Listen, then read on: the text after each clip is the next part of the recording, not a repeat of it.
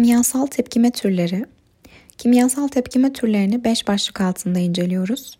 Birincisi yanma tepkimeleri, ikincisi asit baz tepkimeleri, üçüncüsü çözünme, çökelme tepkimeleri, dördüncüsü sentez, oluşum tepkimeleri, beşincisi ise ayrışma, analiz tepkimeleri.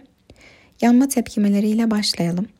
Yanma tepkimeleri yanıcı maddenin oksijenle tepkiye girmesine denir. Oksijen tepkimeye giren yani girenler bölümünde olmalıdır.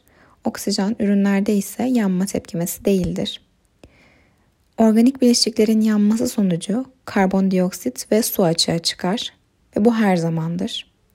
Tepkime denkleştirirken sırasıyla karbon, hidrojen ve oksijen sayılarak denkleştirilir.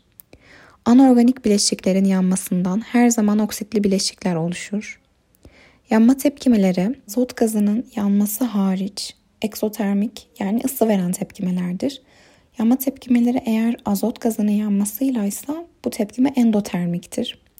Yanma olayının gerçekleşmesi için yanıcı maddeye ihtiyacımız vardır. Tabii ki oksijene ihtiyacımız vardır ve tutuşma sıcaklığı gerekmektedir. Demir, gümüş, bakır gibi metaller yavaş yanma tepkimeleridir. Eğer bizim tepkimemizde bir bileşik maksimum alması gereken değerliği almışsa yanmaz. Yani örnek verelim.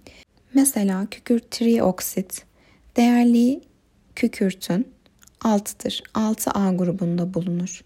Fakat bu tepkimede tam olarak oksijene eksi 2 değerlik verdiğimizde kükürt de artı 6 alacaktır.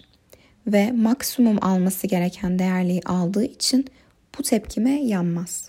Bir de karbon monoksite bakalım. Karbon monoksit bileşiğinde oksijen eksi 2 değerlik alır, karbon ise artı 2 alır. Karbon normalde 4A grubundadır ve artı 4 değerlik elektronu alabilir.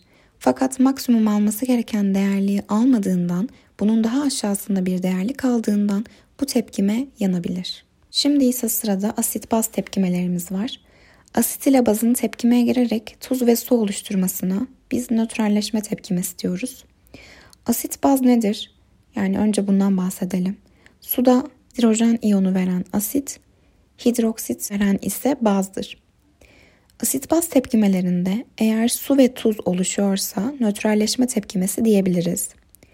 Tuz oluşuyorsa ve bu tepkime sulu ortamdaysa buna da nötralleşme tepkimesi diyebiliriz.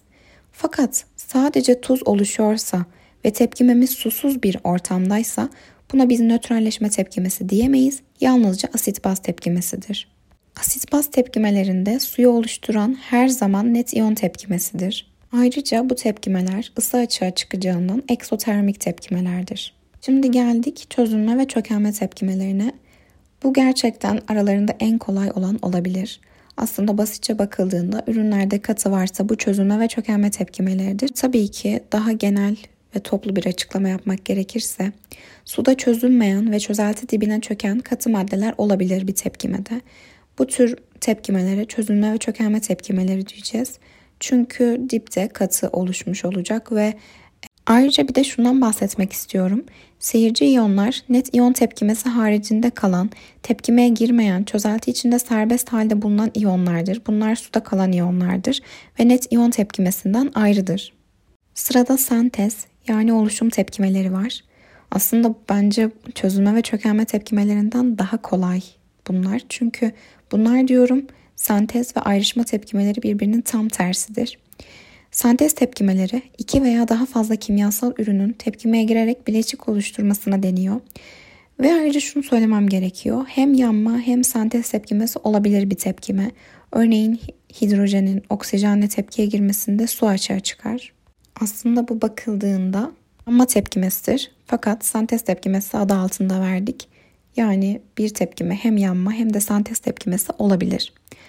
Ayrışma tepkimeleri yani analiz tepkimelerine geldiğimizde bir bileşiğin kendinde daha küçük kimyasal türlerine ayrışmasına deniyor.